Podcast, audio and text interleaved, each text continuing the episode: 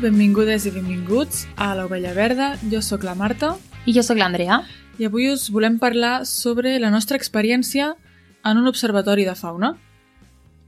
L'observació de fauna podríem emmarcar-la dintre de l'ecoturisme, és a dir, un turisme relacionat amb la natura. Evidentment, tot té avantatges i desavantatges. Ens encanta la Marta i a mi aquest tipus de turisme. L'avantatge és que li donem valor a la natura, ja que anem a, a conèixer-la. Llavors, un cop coneixem aquest espai, és quan realment li donem valor, no només nosaltres, sinó tota la població. Les desavantatges, evidentment, doncs és, són la, la, la massificació de les persones dintre d'un espai natural concret, ja que, bueno, en els últims temps s'ha tornat com molt important, sobretot de la gent que viu més a la ciutat, i s'han arribat a massificar espais, és a dir, a vegades hi ha cua per arribar a un cim, o es salta, la gent es pot arribar a saltar les normes, com per exemple banyar-se en un lloc on està prohibit per certes raons, alterem l'hàbitat, molestem a la fauna, i les xarxes socials no han ajudat precisament a que això disminueixi, sinó tot el contrari, no? És com una, eh, un reclam perquè la gent eh, vagi a fer-se la foto en aquell espai natural tan bonic i tan preciós. Clar, és, és també una mica aquesta cosa, no?, de molta gent precisament no va en aquest espai natural a fer ecoturisme, sinó que van a fer-se una foto o veuen una, una imatge que, que els agrada i volen tenir-la també. Sí, hi ha gent de tot, Eh. sempre. Llavors, clar, també això eh, és un dels factors que, que provoca aquesta massificació que diem que és una mica dels desavantatges. Però no creiem que en aquest cas eh, vagi a ser aquest episodi serveixi per seguir massificant, sinó en concret parlarem d'observatoris de fauna que és impossible massificar-los, ja veureu per què. En tot cas hi hauria una llarga llista d'espera i no creiem que, que sigui tan important, sinó és més una cosa molt interessant que volem comentar, però no volíem parlar sense obviar aquest problema que existeix i és actual i s'ha de parlar. Sí. Nosaltres, en concret, parlarem avui de la nostra experiència en una guait de fauna, o hike, també se n'hi diu. Uh, vam anar a una guait d'aquí a Catalunya, està a prop de Girona, uh, es diu Natura Prop, i dins d'aquesta empresa, diguem, hi ha tres diferents aguaits més petitons, un, bueno, uns més grans, més petits, on es pot veure diferents tipus de fauna. Llavors, um, sempre, encara que, que aquest aguait en concret et caigui lluny, si busques informació o preguntes, eh, sempre hi ha activitats d'aquest estil a prop de, del lloc on, on visquis. Normalment, mm, sabem que per, més o menys per tota Catalunya n'hi ha. Mhm. Així que si al final d'aquest episodi t'animes i et ve de gust tenir aquesta experiència, t'animem a que, que ho busquis i segur que en trobaràs una a prop. I si no, si vius en una zona rural, sempre pots anar al camp i observar uh, la fauna que t'envolta, els ocells, perquè potser només t'has fixat en els pardals o en les orenetes, no? aquests que tenim més a prop i que veiem més sovint, però si t'hi fixes una mica més, potser pares un moment i pares atenció, veuràs que hi ha moltes altres espècies que no estem tan acostumats a veure, però que hi són, i també les tenim a prop. I aquí és quan comença la curiositat i la diversió, ja que a vegades coneixem animals com els elefants i els lleons i el nostre somni és anar-nos de safari, però no coneixem els animals del nostre entorn.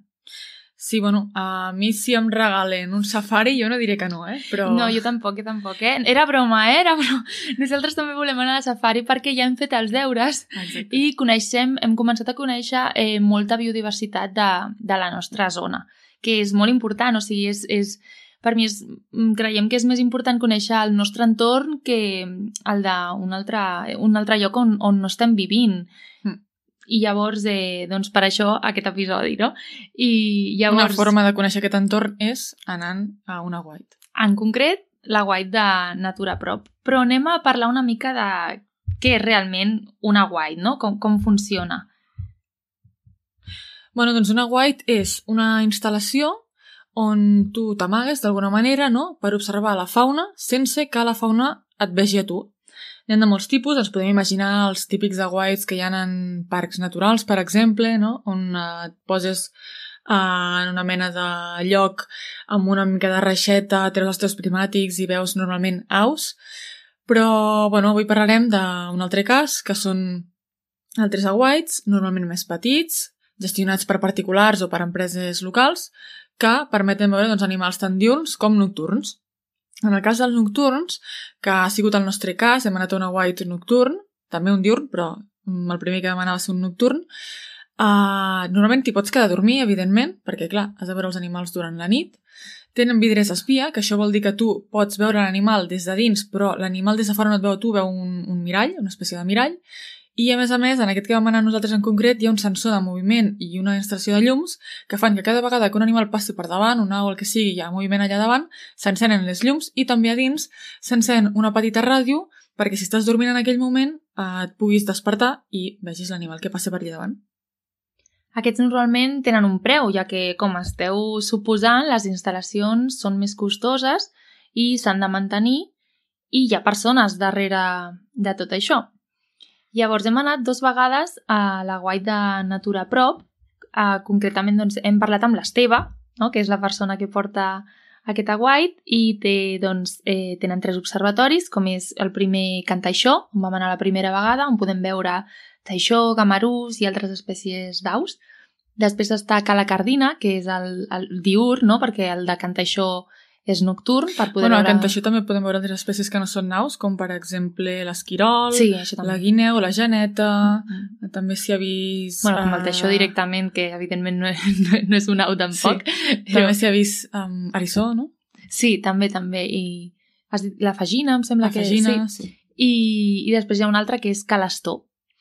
Llavors, eh, la primera vegada vam anar a la tardor i sempre és molt interessant això d'anar canviant d'estació, perquè no sempre has de veure les mateixes espècies, ni has de tenir la mateixa sort. Llavors això també és, és saber a veure amb quines idees vas, què et trobaràs, no saps exactament amb el que, amb el que et toparàs, no? quins animals vindran. Clar, hi ha diferència entre dies i entre estacions, perquè, bueno, la primera vegada va ser la tardor, la segona va ser la primavera, i aquí ha, per exemple, hi ha una diferència, i és que mm, a l'hivern o tardor així pots veure la geneta, però en canvi la primavera és més difícil perquè el gamarús no li interessa, o sigui, el gamarús fa fora, foragita la geneta perquè té pollets i la geneta és depredadora dels pollets de gamarús. I el gamarús, el gamarús els defensa. Doncs, evidentment, defensa els pollets. Volíem veure acció animal, però ja us adelantem que, que la geneta no, no va aparèixer. No va aparèixer. Però, però no penseu, eh? Podeu anar, que segurament veureu geneta i teniu més sort que, sí. que nosaltres. I, bueno, la veritat és que va ser molt interessant. El Taixó, o sigui, va, va venir abans que anéssim a dormir i, i el Gamarús ja va ser més difícil veure'l, però el vam veure Bueno, jo, la Marta va tenir un petit jo no, problema. Jo tenir un petit drama, i és que jo porto ulleres i lentilles, i aquell dia doncs anava amb les lentilles per, per un dia, i, bueno, vaig pensar, quan me'n vagi a dormir, em trauré les lentilles i em posaré les ulleres. I així ho vaig fer, quan va sonar la ràdio perquè hi havia el Gamarús per allà davant, em vaig posar les ulleres i seguia sense veure res. Total, que al cap d'una estona de pensar molt adormida què estava passant i per què no hi veia o per què hi veia mig, a mitges, em vaig adonar que m'havia caigut un vidre de la ullera, havia perdut el tornillo, bueno, un xou. Al final em vaig conformar amb veure el Gamarús en fotos. Les meves fotos que sí que van sortir bé, però la veritat és que les dues van poder fer millors fotos a la segona vegada que, que vam anar, que ha sigut a la primavera, hem anat amb el, amb el Christian, que ja vam parlar d'ell a l'episodi de Rastres de Fauna, i ens va interessar molt. Li vam dir, eh, Christian, eh, porta la gravadora que tens, perquè no només serà aquesta experiència de veure i observar, sinó també d'escoltar. Clar, també està molt bé parar i escoltar què és el que t'envolta, no? Si estàs allà al mig del bosc o al mig del prat, on sigui, i pares a escoltar, t'adonaràs que hi ha moltíssims cants diferents de moltíssimes aus i potser no les estàs veient, però saps que estan allà perquè les estàs escoltant. I, bueno, ens feia gràcia doncs, tenir aquesta gravació amb tot aquest popurri de sons i de cants de la natura que també ens encanten. La cosa és que, bueno, vam tenir... A veure, al principi vam, vam dubtar una mica perquè la gravadora, clar, l'has de deixar a fora i el Christian la va lligar en un, en un tàper perquè fes com de parabòlica, però la Marta i jo pensàvem que estava una mica mal lligada i com té un gat, és a dir, pelito... Sí, com, té com pèls pèl. al voltant del micro, diguem, per, no sé, si és pel, per, per captar millor so o sí. d'alguna forma, no sé. Clar, eh, allò té aspecte de d'animal rosegador, rosegador petit. Sí, ideal uh, gamarús que ho agafi i s'ho emporti volant. I pensàvem, ens quedarem sense gravadora. I el guai seria recuperar-la, perquè imagineu-vos que s'ho emporta el niu amb els pollets, ho enregistra tot i d'alguna manera ens ho torna, no?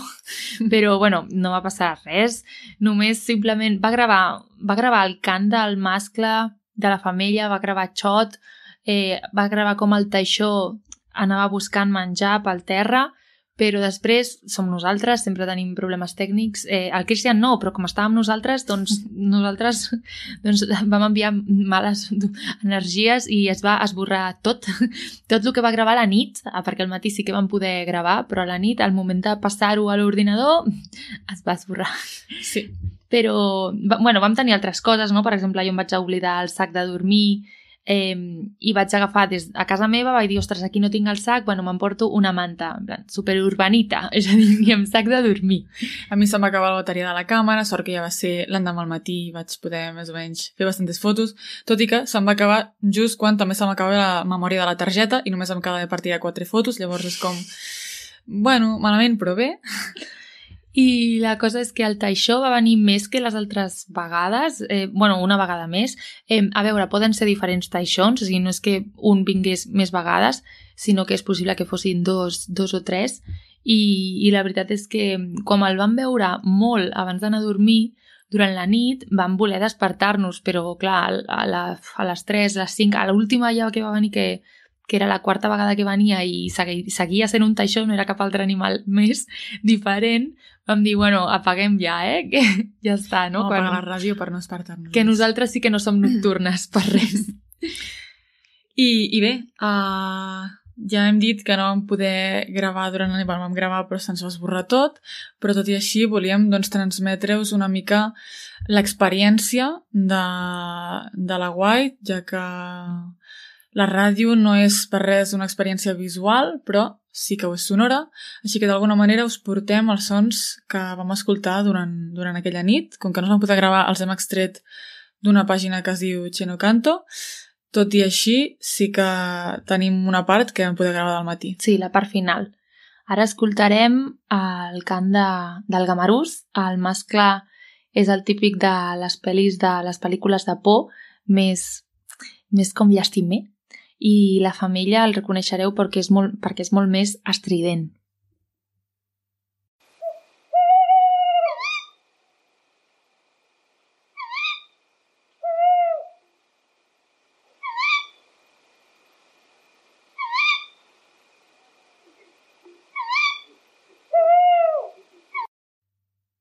El que sentirem ara uh, és el xot, que també és una rapinyaire nocturna,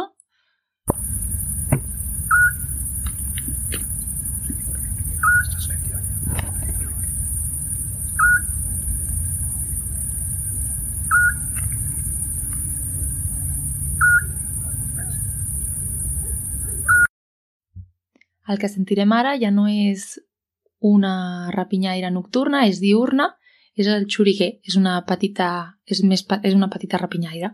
La vam veure abans d'entrar a la White.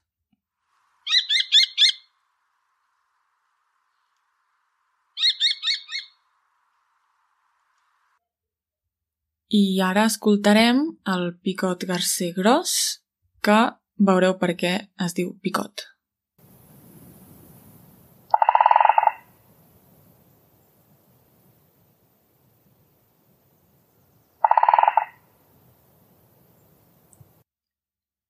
Durant el matí eh, sí que vam poder gravar alguns cants dels ocells que van aparèixer a la sortida del sol, que, com per exemple la mallarenga carbonera, la mallarenga blava, el pit roig, el rossinyol, la merla, el verdum, el gafarró, la tòrtora, el raspinell, el durbec i el pardal xerrec, entre d'altres. Així que us deixem amb aquest popurri de sons, a veure si sou capaços d'identificar algun d'aquests ocells que us hem dit i de gaudir una mica des de casa d'aquesta experiència sonora. Moltes gràcies per escoltar-nos.